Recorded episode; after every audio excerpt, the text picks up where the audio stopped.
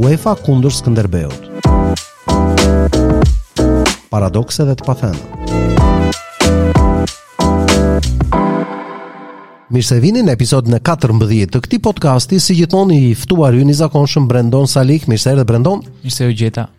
Brendon, me se do të merremi në këtë episod të këtij podcasti? Në episodin e kaluar, pamë marrëdhëniet e dyshimta sipas inspektorve të UEFA të klubit me individë të caktuar, të drejtuesve të klubit, pra presidentit me zëvendëspresidentin, me trajnerët, me lojtarët, pra përtej marrëdhënies profesionale, akuzoheshin që marrëdhënia e tyre personale kishte influencuar në këtë historinë e trukimit të ndeshjeve, dhe pasi uh, mbyllet kjo pjesë le të themi e marrëdhënieve me trajnerët dhe lojtarët, pra me pjesën përbërëse le të themi të Skënderbeut, pra me skuadrën dhe me drejtuesit, vazhdojnë me lidhjet sipas tyre që ka pasur zoti Takaj me kompanitë e basteve. Sipas tyre ka pasur një background apo një historik që e lidh zotin Takaj që nga e kaluara e tij me kompanitë e basteve dhe kjo sipas tyre është qartësisht një faktor që e ka lejuar atë të fitojë njohuri edhe kontakte në mënyrë që më pas të përfitojë apo t'i vërë në zbatim le të themi të trukimit të ndeshjeve përmes klubit në momentin më pas kur u bë pjesë e klubit të, të Skënderbeut. Dhe për t'u bazuar më pas në konkluzionet që japin në raportin e tyre, bazohen në marrëdhëniet që ka pasur Skënderbeu me disa nga kompanitë e basteve në Shqipëri në momentin që ato kanë qenë sponsorë të Skënderbeut, që edhe këtu nuk ka asgjë të paligjshme pasi kompanitë e basteve jo në Shqipëri, por në tërë botën janë sponsorë jo vetëm të klubeve të futbollit, por edhe të sporteve të ndryshme. përfshirë dhe sportistëve individualë në disa raste. Dhe përmendin shumë kompaninë Eurobest, kompaninë Starbet, kompaninë Top Bast, pra përmendin disa nga kompanitë e basteve në Shqipëri, që sipas tyre kanë pasur një lidhje le të themi me Skënderbeun qoftë si sponsorë ose përmjet drejtuesve të tyre me lidhje miqësore me zotin Takaj ose diçka e tillë. Megjithëse për kompaninë për shembull Eurobest, siç e mbaj më mend, avokatët e klubit në momentin kur u bë gjyqi 2016, pasi të njëjtat elemente përmenden atëherë i përmenden edhe tani, Sollën dokumentat që provonin që ishte kompania kishte falimentuar prej kohësh, ishte mbyllur dhe shumë përpara se të hynte zoti Takaj në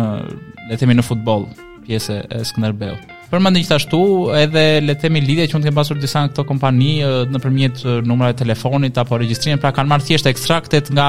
QKR-ja, pra që mund t'i aksesojë kushdo nga qendra kombëtare e regjistrimit apo nga qendra kombëtare e licencimeve të bizneseve që është faqja online që është e institucioneve në Shqipëri dhe thjesht duke u bazuar në ekstraktet e, e QKR-së apo edhe në ndonjë artikull mediash apo portalesh kanë arritur në këto konkluzione pra. Dhe përmendin edhe faktin që uh, Resorti Tropikal pra që është sponsor zyrtar i, i Skënderbeut, pra ku është pronar kuptohet zoti Takaj, pra edhe kjo kompani sipas tyre ka pasur lidhje pra me këto kompanitë e basteve, domethënë kanë pasur përqindje aksionesh apo gjëra të tilla.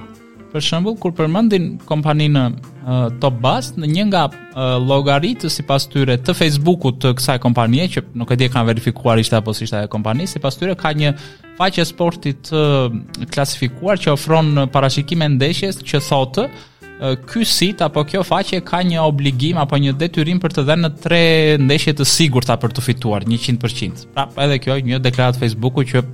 normalisht kompanitë e basteve duan të fitojnë në ndeshje dhe jo të bëjnë faqe Facebooku të thonë ofrojmë ndeshje të sigurta se kjo është një kështu nonsens logjik i padiskutueshëm të paktën nga kjo pikëpamje siç e shoh unë. Nga ana tjetër, kompaninë Top Bast meqenëse ka qenë le të themi një filial deri diku në thonjëza siç e cilësojnë këta i kompanisë aziatike SBO Bet, Dhe meqenëse një pjesë e mirë e ndeshjeve të Skënderbeut nga ajo lista e famshme me 53 ndeshje të dyshuara, 33 sipas tyre kanë qenë të identifikuara le të themi si të dyshuara fillimisht nga SBO Beti, pra që është një kompani e madhe bastesh aziatike dhe kjo i ka hequr le të themi koeficientet në momentet kur ka pasur dyshime në një pjesë të madhe të këtyre ndeshjeve pra të Skënderbeut. Kurse pjesa tjetër kanë qenë në disa kompani të tjera, si për shembull thonë 188 Bet, që kjo ka hequr një pjesë 18 ndeshje të tjera, Megjithatë, nga këto 18, nëntë prej tyre nuk janë ofruar nga SBO Beti. Pra, vetë fakti që thonë këta që uh, kompania SBO Bet nuk uh, i ka uh, kuotuar në disa raste ndeshjet e Skënderbeut. Pra nuk është futur fare në parashikimet e ndeshjeve të Skënderbeut. Apo në disa raste kur i ka kuotuar dhe më pas gjatë ndeshjes apo pas ndeshjes uh, i ka anuluar ose uh, le të themi i ka ndërprerë kuotimet për ndeshjet e Skënderbeut, sipas tyre ky element mjafton për të hedhur dyshime që në ato ndeshje le të themi ka pasur indicje për trukim ndeshjes nga ana e nga ana e Skënderbeut gjithmonë pasi kuptohet. Pala tjetër siç e thamë asnjëherë nuk përfshihet në, në këtë mes, vetëm Skënderbeu akuzohet. Ndërkohë, një element tjetër i rëndësishëm dhe këtu do më lejoni të them diçka shumë edhe i çuditshëm, Është fakti që duke kërkuar në Google dhe kanë nxjerrë trendet e Google-it, SBO Beti është një kompani që ka një prezencë shumë të madhe në Shqipëri, megjithëse është një bookmaker aziatik, pra një kompani bastesh aziatike. Sipas tyre, Shqipëria është shteti i vetëm europian në top listën, pra në 10 vendet që kërkojnë më shumë SBO Betin, pjesa tjetër janë aziatike, pra Në 10 vendet që kërkojnë më shumë online, pra në Google, faqen e SBO Betit për të vënë baste, sipas tyre Shqipëria është vendi i parë europian dhe është një nga 10 vendet kryesore të kësaj kompanie, pasi pjesa tjetër janë aziatike. Pra sipas tyre Shqipëria është vendi europian që hedh më shumë baste në në SBO Bet, në këtë kompani. Në mënyrë më specifike, sipas këtij studimi ose kërkimi që kanë bërë këta dy inspektorë, mund ta themi, brenda Shqipërisë, në qytetet e Shqipërisë, që kanë kërkuar SBO Betin në Google, tregojnë sipas tyre që Korça, pra qyteti ku është i bazuar Skënderbeu, është me distancë thonë të madhe vendi ku ka më shumë kërkime rreth SBO Betit, pra ku është kërkuar më shumë në Google, pra ku janë gjeneruar më shumë kërkime për SBO Betin në Google. Pra në një farë mënyre po akuzojnë Shqipërinë deri diku edhe Korçën vendi më bastexhi i Europës, që nga pikëpamja logjike financiare, ekonomike, numri i popullsisë, Çfarë arsye të tjera mund të gjeni elementë të tjera? Bëni vetë konkluzionin sa reale mund të jetë që një qytet me 60.000 apo 80.000 banorë si Korça të jetë, meqenëse qenka dhe Shqipëria kuptohet, po meqë thonë brenda Shqipërisë është Korça me larg, me distancë të madhe nga të tjerët, pra Korça qenka qendra më e madhe e basteve në Evropë për këtë kompaninë SBO Bet. Dhe sipas tyre është domethënë se fakti që kjo kompani aziatike bastesh pra është kaq e kërkuar online në Shqipëri dhe në qytetin e Skënderbeut në veçanti pra në një farë mënyre po akuzojnë indirekt le të themi edhe qytetin e Korçës që ka qenë qytet bastexhinjsh le të themi në, në sipas këndvështrimit të tyre. Dhe sipas inspektorëve i vetmi shpjegim logjik që japin kësaj gjetje që kanë bërë është fakti që nëpërmjet Shqipërisë njerëzit kanë uh, kanale ose lidhje të lehta le të themi për të vënë baste në SBO bet, gjë që i lejon të fitojnë shuma të mëdha parash. Pra ky është i vetmi shpjegim që japin ata. Dhe pasi kalojnë me disa le të themi uh, informacione të tjera për kompaninë Tobas ku i referohen pra lidhjeve që ka pasur si sponsori Skënderbeut dhe iu referohen disa portaleve si Balkan Insight 24 orë etj, pra prap me burime le të themi jo zyrtare, jo shkencore nëse mund të quajmë kështu, po me artikuj portalesh ose gazetash, madje një pjesë e këtyre, një pjesë edhe atyre për shembull ishte një portal francez që kishte shkruar për një ndeshje të dyshuar të Skënderbeut para shumë vitesh dhe vetë cilësojnë që në momentin kur e kanë bërë raportin këta në 2018-ën, ai linku nuk ekzistonte më. Dhe tani kalojmë në një pjesë tjetër interesante e këtij raporti por meqenëse te pjesa në lidhje me kompaninë Top Bast përmendin dhe zotin Vrenozi. Sipas tyre, një tjetër person i interesuar që ka punuar për kompaninë Baste Live është zoti Ilir Vrenozi deri në qershor të 2016-ës, pasi sipas tyre në profilin e tij të Facebookut, ai ka deklaruar që ka qenë i punësuar në Baste Live deri në një që nga një marsi më falni i 2011-ës. Pyetja numër 1, në qoftë se dikush është i punësuar, nuk i referohesh deklaratës së Facebookut se u mund të deklaroj dhe unë që kam punuar në shtëpinë e bardhë. Po, nuk është reale, i referohesh një kontrate punësimi ose një vërtetim ku di unë nga sigurimet shoqërore ose nga shteti ose nga kompania ose nga individi ku është punësuar dikush, nuk i referohesh rrjeteve sociale. Megjithatë, sipas tyre, zoti Vrenozi ishi lidhur në Facebook me një numër uh, lojtarësh edhe drejtuesish të Skënderbeut, që duhet të thonë nga zoti Takaj, nga Lojtarët e Skënderbeut, Bledi Shkëmbi, Sabien Lilaj, Gerhard Progni e të tjerë me radhë, pasi nuk janë vetëm këta, por këta përmendin. Sipas tyre ai ka foto me Zotin Takaj dhe me disa nga uh, lojtarët e Skënderbeut edhe në rrjete të tjera sociale dhe madje janë referuar Instagramit këtu të Zotit Vrenozi, pra kanë nxjerrë fotot nga Instagrami i Zotit Vrenozi me lojtarët me drejtuesit e Skënderbeut. Sipas tyre, është e provuar thjesht duke u bazuar nga këto miqësitë e Facebookut dhe nga fotot e Instagramit, që zoti Vrenozi ka akses direkt dhe afatgjatë pranë zotit Takaj dhe lojtarëve të Skënderbeut dhe stafit dhe poston shpesh foto të vetes së tij me lojtarët e Skënderbeut si më e afërta për shembull i kanë marrë një foto të datës 27 prill 2016 me Kapitenin Bledi Shkëmbi në ato momente pasi ishte ende lojtar nuk e kishte lënë dhe futbollin. Dhe për të gjitha këto kanë vënë edhe linqet e Instagramit nga i kanë marrë fotot e zotit Vrenozi, edhe kuptohet edhe të faqes së tij të Facebookut. Dhe sipas tyre zoti Vrenozi nuk është i huaj me temën e basteve apo vënies së basteve në futboll, pasi sipas tyre ai poston shpesh foto online të biletave të basteve pra ku ka vënë vetë baste vetë një numër ndeshjesh të caktuar apo poston sipas tyre koeficientët live para ndeshjes apo gjatë ndeshjes të Skënderbeut dhe ndeshjeve të tjera. Gjithashtu, zotin Vrenozi akuzojnë të lidhur edhe me kompani bastesh të tjera, si për shembull me menaxherin e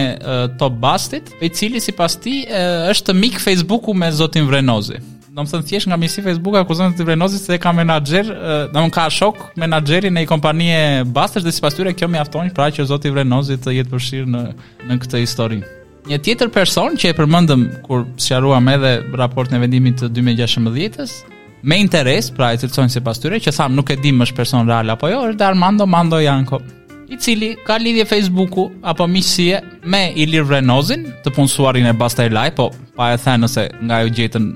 ok, gjetën nga Facebooku, po pa e vërtetuar që ka qenë i punësuar, kur të paktën kush jeton në Korçë e di çfarë pune ka bërë tërë këto vite zoti Vrenozi apo më saktë ka punuar apo s'ka punuar dhe me lojtarët e Skënderbeut pra me Shehin, me Shkëmbin e tjerë. Dhe në profilin e tij personal, pra të këtij zotëris Armando Mandojanko, sipas tyre në profilin e tij individual, ai ka shprehur që ka qenë i punësuar tek Skënderbeu gjë që nuk e dimë pasi nuk mund të vërtetohet, po pasi shumë njerëz mund të deklarojnë që janë të punësuar në Snerbeu në Facebook, po s'do të thotë që janë të punësuar tek Skënderbeu.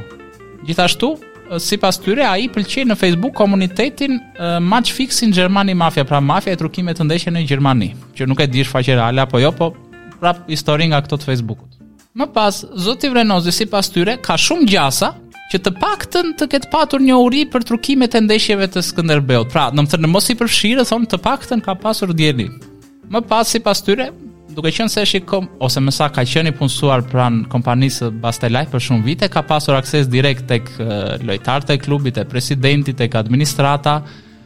si dhe ka pasur lidhje të tjera me kompani të tjera si Top Basti, pra meqë kishte pasur mik Facebooku atë menaxherin e Top Bastit, dhe ka pasur eksperiencë në vënien e basteve në ndeshjet e futbolit, meqenëse postonte online pra këto bastet që vinte vetë, le të themi. Që në atë moment s'ishte e paligjshme, pasi mund të vinte kushdo baste. Të gjitha këto indikojnë sipas tyre që ai me shumë mundësi ka qenë i përfshirë si një lidhje ndërmjet fiksimit të ndeshjeve sportive dhe manipulimit të basteve. Pra, le të themi në një farë mënyrë ka bërë ndërmjetësin zoti Vrenozi në këtë histori, për këtë akuzojnë në këtë. Kurse për këtë zotërinë tjetër Armando Mandojanko sipas tyre ka pasur të paktën njohuri për trukimin e ndeshjeve për shkak të punësimit të tij tek Skënderbeu që s'e provojnë asgjëkundi, Dhe për shkak të lidhjes së tij me zotin Vrenozi, me portierin Shehi dhe me Shkëmbin. Pra, siç e pamë qartë në të gjithë këto elemente që sapo cituam deri tani, duke iu referuar vetëm raportit, akuzohen individë pa bërë asnjë hetim serioz, po thjesht duke u bazuar mbi miqësi personale, mbi akuza Facebooku, postime Instagrami, e pëlqime Facebooku etj etj. Pra, Historira shumë të çuditshme për një raport apo për një institucion që pretendon të jetë serioz dhe që xhiron miliarda euro dhe që duhet kujdeset për menaxhimin e futbollit evropian. Dhe për mendimin tim është nivel shumë shumë i ulët në qoftë se vërtet mendojnë që kjo që kanë bërë e konsiderojnë veten jurist apo hetim cilësor apo serioz. Megjithatë, është mendimi im personal. Secili nga ju mund të ketë konkluzionet apo mendimet e tij bazuar në këto që sapo prezantuam deri tani. Pra, në konkluzion të kësaj pjese, pra në pjesën le të themi lidhje me kompanitë e basteve dhe lidhjet e tyre me Skënderbeun. Duke qenë se një pjesë e këtyre kompanive, pra Super Basti e tjerë kanë qenë uh, sponsor të Skënderbeut apo Top Basti apo Bastelaj, pra të gjitha këto kompanitë. Fakti që Top Basti kishte qenë le të themi në thonjza një filial i SBOBET-it. Pra, gjithë kombinimi i këtyre sipas tyre shto dhe lidhjet midis drejtuesve të klubit, lojtarëve miqësore me këta individë të tjerë si zoti Vrenozi që kishin bërë ndërmjetësin e të tjerë, pra e gjithë kjo skemë sipas tyre ka ndikuar në trukimin e ndeshjeve të Skënderbeut dhe uh, ka konfirmuar që këta pra kanë nxjerrë përfitime nga trukimi i ndeshjeve.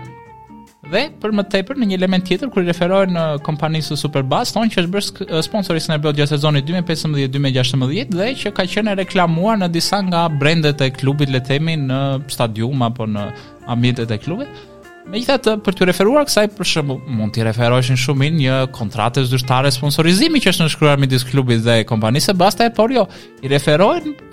një videoje YouTube-i për shembull nga ndeshja Skënderbeu Milsami gjatë sezonit 2015-16 ku kompania le të themi figuron në imazhin e sponsorëve të klubit zakonisht në konferencat e shtypit ka një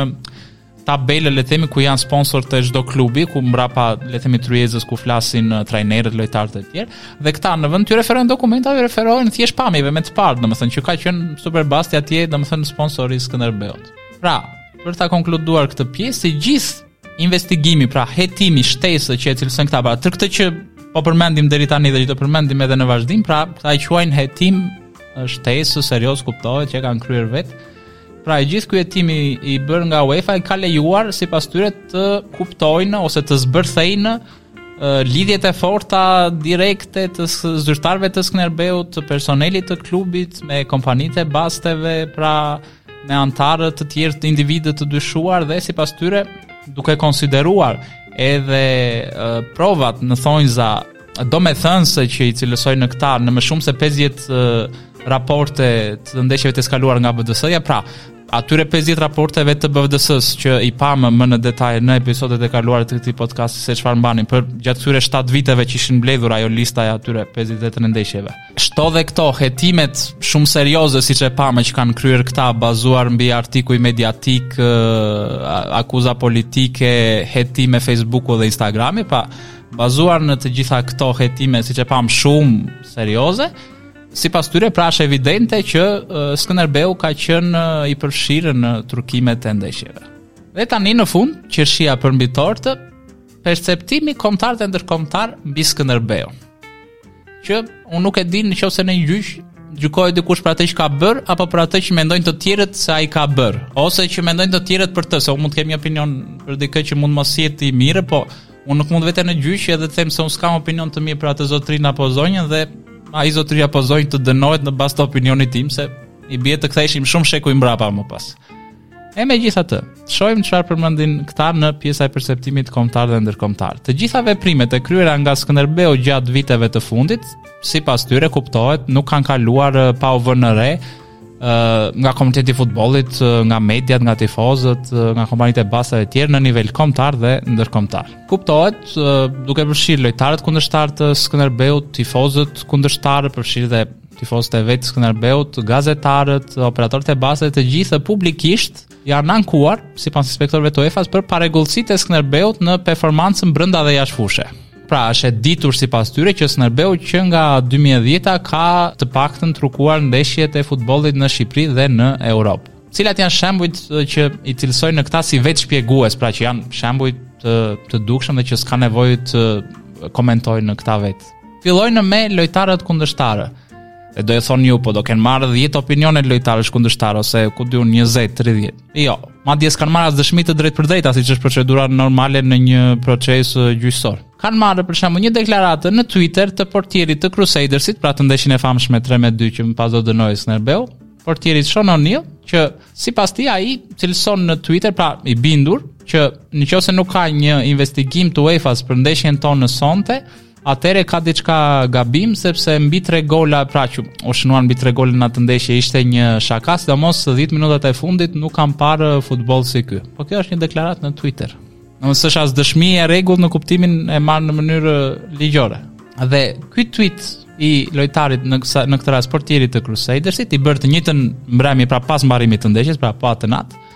Qartësisht i referohet sipas tyre trukimit të rezultatit të kësaj ndeshje nga Skënderbeu dhe është diçka e rrallë thonë ose e veçantë, pra e cilësojnë si një fakt të veçantë që një rival, pra një lojtar kundërshtar apo rival denoncon publikisht që një ndeshje që ai sapo ka luajtur dhe ka qenë pjesë, pra është fiksuar apo është trukuar për qëllime bastesh, edhe kur skuadra e tij ka fituar atë ndeshje në fjalë, pra siç e fitoi Crusadersi. Tash unë nuk e di në çfarë planeti kanë jetuar këta, se mbase në të gjithë Europën unë nuk e di, po vetëm në Shqipëri që të paktën e njohim çik më shumë, sa deklarata lojtarësh dhe trajnerësh kemi pas po them në 20 vitet e fundit që mund të kenë thënë trajnerët jemi tradhtuar nga skuadra apo lojtarësh që edhe kur kanë fituar, siç thonë këta skuadra e tyre mund të kenë dalë dhe janë ankuar në mos për arbitrat, për rrethana të tjera apo edhe për raste të dyshimta të trukimit të ndeshjes. Dhe po të marrim këtë precedentin që të marrim deklaratat e lojtarëve e trajnerëve pas ndeshjes, jo në Shqipëri apo në Evropë, por në gjithë botën, i bie që të dënohen një numër i madh klubesh thjesht ngaqë lojtarët kundërshtarë kanë pasur dyshimin se kundërshtari ka trukuar ndeshjen. dhe përveç portierit të Crusadersit janë bazuar dhe në një opinion tifozash. Po, normalisht do thoni kanë bërë ndonjë një sondazh, një kampion serioz ku di unë 500 veta, 1000 veta. Jo, mjaftohen përsëri thjesht me një koment, domethënë as deklaratë, po koment në Twitter të një tifozi të Crusadersit,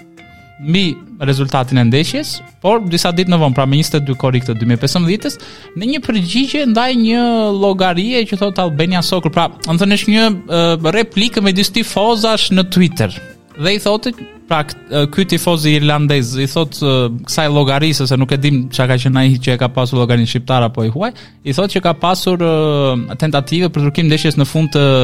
lojës për t'i dhënë Crusadersit fitoren, pra nuk ka qenë një skuadër që është sjellë fair play apo që nuk uh, nuk ka qenë fair play. Kuptohet në këtë rast i referohet Skënderbeut. Megjithatë, kjo deklarata apo ky koment tifozësh, kjo replikë tifozësh është bërë disa ditë pas ndeshjes. Një tjetër shembull, kur rivalët kundërshtarë kanë shprehur dyshimet sipas tyre për integritetin e një ndeshje të luajtur kundër Skënderbeut, ka qenë një nga ndeshjet miqësore që ka luajtur Skënderbeu në janar të 2013-s, ku në raportin e BFDS-së thuhet që kanë marrë informacion nga stafi le të themi apo disa lojtarë të uh, Silkeborgut, pra pas asaj ndeshjes miqësore të Skënderbeut me Silkeborgun, që thonin që ishin uh, impresionuar apo ishin çuditur nga cilësia dhe performanca e Skënderbeut në pjesën e dytë dhe pastaj nga ndryshimi drastik i performancës së tyre në pjesën e dytë, ndërkohë që në opinionin e tyre, pra e përmendin që është thjesht një opinion i tyre, pra i disa lojtarëve dhe apo anëtarëve të stafit të Silkeborgut, pra që lojtarët e Skënderbeut, domethënë kishin pasur një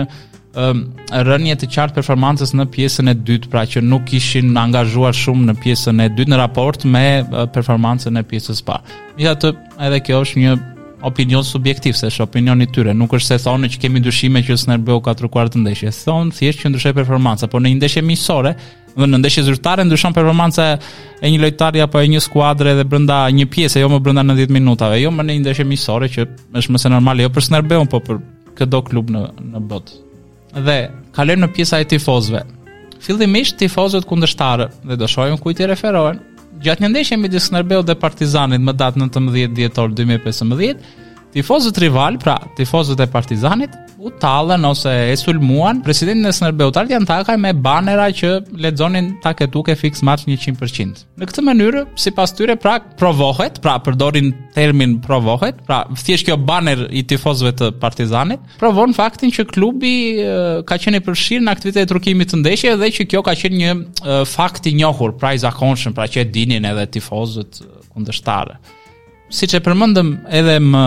më lartë në këtë episod, pas ndeshjes me Silkeborgun, në janar të 2013-s, tifozët e Skënderbeut që e përmendëm pra në Facebookun e klubit kishin akuzuar pas ndeshjes ekzekutivët pra drejtuesit e klubit në rrjetet sociale që kishin manipuluar ndeshjen duke thënë që Skënderbeu e lejoi Silkeborgun të shënojë golat pra hapi portën në pjesën e dytë. Pra, në njëfarë mënyre thonë vetë tifozët kundërshtarë e dinë fare mirë, po dhe vetë tifozët e Skënderbeut pra e sulmojnë klubin e tyre. Pra, dhe e përmendin qartë kur shkruajnë që kur vetë thonë tifozët e Skënderbeut publikisht e akuzojnë klubin që ka trukuar ndeshje, atëherë thonë nuk mund të ketë një provë ose një dëshmi më të qartë që klubi është perceptuar si mashtrues le të themi ose si shkelës ligji etj etj pra nga fansat nga tifozat kudo në botë. Pra, kjo është kampioni që marrin këta. Komentet e tifozëve të Skënderbeut në Facebook, baneri i tifozëve të Partizanit dhe deklarata e atij tifozit të Crusadersit në Twitter për më tepër. Më pas kalojmë në operatorët e basteve dhe sipas tyre, për shembull, një nga këta operatorë aziatikë, Hong Kong Jockey Club, nuk ofron më ndeshje të Skënderbeut që nga ndeshja me Crusadersin e korrikut të 2015-s, pra ajo ndeshja e kthimit. Dhe rrjeti global i monitorimit të lotarive sportive gjithashtu sipas tyre i ka rekomanduar anëtarëve të tij të kenë kujdes kur hedhin baste le të themi apo kur iu ofrohen ndeshje të Skënderbeut. Dhe më pas i referohen gjithashtu rasteve për shembull që i përmendëm edhe pak më sipër kur për shembull me Sportingun e Lisbonës apo me Lokomotivën e Moskës disa kompani bastesh aziatike si SBO Beti, Eh, Max Beti 188 Beti e tjerë, pra ose kishin ndërprerë koeficientët gjatë ndeshjes ose kishin hequr eh, para ndeshjes, eh, pra kishin marrë vendime të ndryshme gjatë këtyre dy dy ndeshjeve të caktuara. Pra, sipas tyre vetë fakti që kompanitë e basteve i kishin hequr apo kishin anuluar le të themi qoftë gjatë ndeshjeve, qoftë para ndeshjeve, koeficientin e ndeshjeve të Skënderbeut tregon që ato ishin të shqetësuara pra, domethënë mund të fitoheshin të ardhura të mëdha nga baste në këto ndeshje përtej parashikimit të tyre ose përtej arsyetimit të tyre. Dhe vetë fakti sipas tyre që disa nga këto kompani bastesh vendosën të heqin apo të mos kuotojnë ndeshjet e Skënderbeut, është mjaftueshëm i qartë për të provuar uh, integritetin e dyshimtë të, të këtyre ndeshjeve dhe që këto ndeshje pra duhet të konsiderohen si të komprometuara, pra si të trukuara. Të gjithë këto shembuj të përmendur deri tani, sipas inspektorëve, në mënyrë të padiskutueshme provojnë që qoftë kompanitë e basteve, qoftë operatorët e tyre, qoftë edhe bastvënësit, pra lojtarët, ishin aq të bindur që Skënderbeu po trukonte ndeshje, saqë ata donin të evitonin që të pësonin humbje nga të ardhurat e tyre nga bastet. Pra, preferonin kompanitë e basteve më mirë të mos hidheshin baste për ato ndeshje sesa të rrezikonin pra të humbisnin shuma shumë më të mëdha nga ata njerëz pra që sipas tyre do të kishin dijeni dhe që do kishin vënë bast mbi rezultatin e saktë apo mbi baste të sigurta pra nga meqë kishin pasur informacion nga brenda nga brenda Skënderbeut. Pra, sipas tyre nuk ka asnjë dyshim për perceptimin e gjithëpërhapur, pra widespread, nga bookmakersat, pra nga lojtarët e basteve, nga individët, pra nga tifozët, edhe nga elementë të tjerë, pra që Skënderbeu është një klub që ka manipuluar dhe që futbolli si në nivel kombëtar dhe ndërkombëtar në një shtrirje shokuese, pra in a shocking extent përdorin termin. Pra përdorin këto terma që thamë çik kështu, metafora, epitete për t'i dhënë çik bujë situatës. Megjithatë, në mënyrë jo surprizuese, siç e cilësojnë këta gjatë sezonit aktual, pra pas dënimit të Skënderbeut në 2016, në 2016-2017, Menjëherë pasi Skënderbeu u deklarua i papërshtatshëm pra që u pezullua një vit nga CAS-i për të marrë pjesë në kompeticionet e UEFA-s, klubi sipas tyre nuk është përfshirë në asnjë ndeshje të eskaluar nga BFDS-ja. Dhe mungesa e parregullsive në luhatjet e basteve sipas tyre në ndeshjet e këtij sezoni ka çuar bookmakersat, pra kompanitë e basteve t'i ofrojnë ndeshjet vendase të Skënderbeut, pra ndeshjet në Kupën e Shqipërisë dhe në Superligë, në një përqindje ose në një nivel le të themi të ngjashëm me të kaluarën, pra me të kaluarën para dënimit apo pezullimit në ato momente të Skënderbeut. Megjithatë, me disa masa le të themi kujdesi merrnin kryesisht në tregun në tregun aziatik, në veçanti për ndeshjet miqësore të klubit. Megjithatë, nuk përmendin që ka pasur ndeshje të tjera të dyshimta. Dhe pjesa e fundit te perceptimi kombëtar dhe ndërkombëtar në lidhje me klubin është media, gazetarët. Dyshimet në lidhje me ndeshjet e trukuara të Skënderbeut janë publikuar në media duke filluar që nga korriku 2013 sipas tyre kur një gazetar i ESPN-it ka publikuar një artikull mbi trukimet e ndeshjeve në përgjithësi dhe e përmend emrin e klubit si një nga shkelësit le të themi në qoftë se mund ta përkthejmë kështu kryesorë në kontekstin e ndeshjeve të manipuluara. Gjithashtu, më së fundi, pra në vitin 2015, dhe i referohen pra është dhe linku i referuar si artikullit të ESPN-it dhe artikullit të El Paisit, media spanjolle El Pali, El Pais, në një artikull që komenton mbi parregullsitë e basteve, pra në përgjithësi, kur i referohet Skënderbeut, kryesisht ndeshjeve me Crusadersin e Dinamon e Zagrebit në atë vit, pra në sezonin 2015-2016, le të themi në një farë mënyre, lë të kuptohet në artikullin e saj që Skënderbeu uh, ka tentuar të manipulojë ndeshje dhe mund të tentojë edhe në të ardhmen, pasi në një fjali thotë që problemi i futbollit evropian është që Skënderbeu tani ka kaluar në Europa League, pra që Skënderbeu është kualifikuar në grupet e Europa Ligës. Pra, Skënderbeu ishte sipas artikullit të El Paisit problemi i madh për futbollin evropian. Dhe në fund, duke mos u mjaftuar me le të themi citimin e asaj deklarate të zotit Braçe në parlament ndaj zotit Bode, e përmendin edhe te kjo pjesa e medias pasi kuptohet i referohen mediave shqiptare, pra dyshime që kanë pasur gazetarë të ndryshëm, media të ndryshme në lidhje me me Skënderbeun. Pra, duke u nisur nga ato që pamë deri tani, pra Ky ishte ai hetimi i famshëm nga të gjithë elementët që kanë deri tani. Ky ishte ai hetimi i famshëm shtesë që pretendon UEFA që ka kryer, që siç e pamë në shumicën e elementëve të tij, për të mos thënë 100% po po themi në shumicën mbi 90% është i njëjtë me atë të 2016 kur u pezullua Skënderbeu me një vit dhe po të shikojmë elementet me radhë pra si akuzat që ju referohen individëve, qoftë drejtuesve të Skënderbeut, qoftë lojtarëve, qoftë personave të lidhur me klubin, akuzat që ju bëhen atyre si individualisht si dhe të lidhur me njëri-tjetrin duke u bazuar thjesht në rrjete sociale, në miqësi personale apo në elementë të tjerë të zakonshëm që nuk përbëjnë ndonjë shkelje të asnjë lloj natyre ligjore. Dhe pjesa e fundit e këtij hetimi që kishin bërë këta dy inspektorë, pra pjesa e perceptimit kombëtar dhe ndërkombëtar të mediave, të tifozëve kundërshtarë, të lojtarëve kundërshtarë e tjerë, pra është diçka që është absurde për mendimin tim nga pikëpamja juridike, qoftë edhe nga ana logjike, pasi opinioni, perceptimi janë jo vetëm terma, po janë elemente subjektive. Pra këto ishin çështjet që trajtuam në këtë episod. Në episodin e ardhshëm, cilat janë çështjet me të cilat do të merremi Brendon? Në episodin e ardhshëm do të shohim pjesën le të themi më teknike juridike të këtij raporti, pra në lidhje me barrën e provës, standardi i provës, cili standard do t'i aplikohet Skënderbeut në në këtë rast, pra do të shohim në qoftë se ka ndryshime me atë raportin dhe dënimin e 2016-s, cilave neneve të rregullores së UEFA-s ju referohen inspektorët dhe cilat janë masat që propozojnë ata për t'u marrë ndaj Skënderbeut, pra dhe si e arsyetojnë këta marrjen e këtyre masave apo kërkimin e këtyre masave.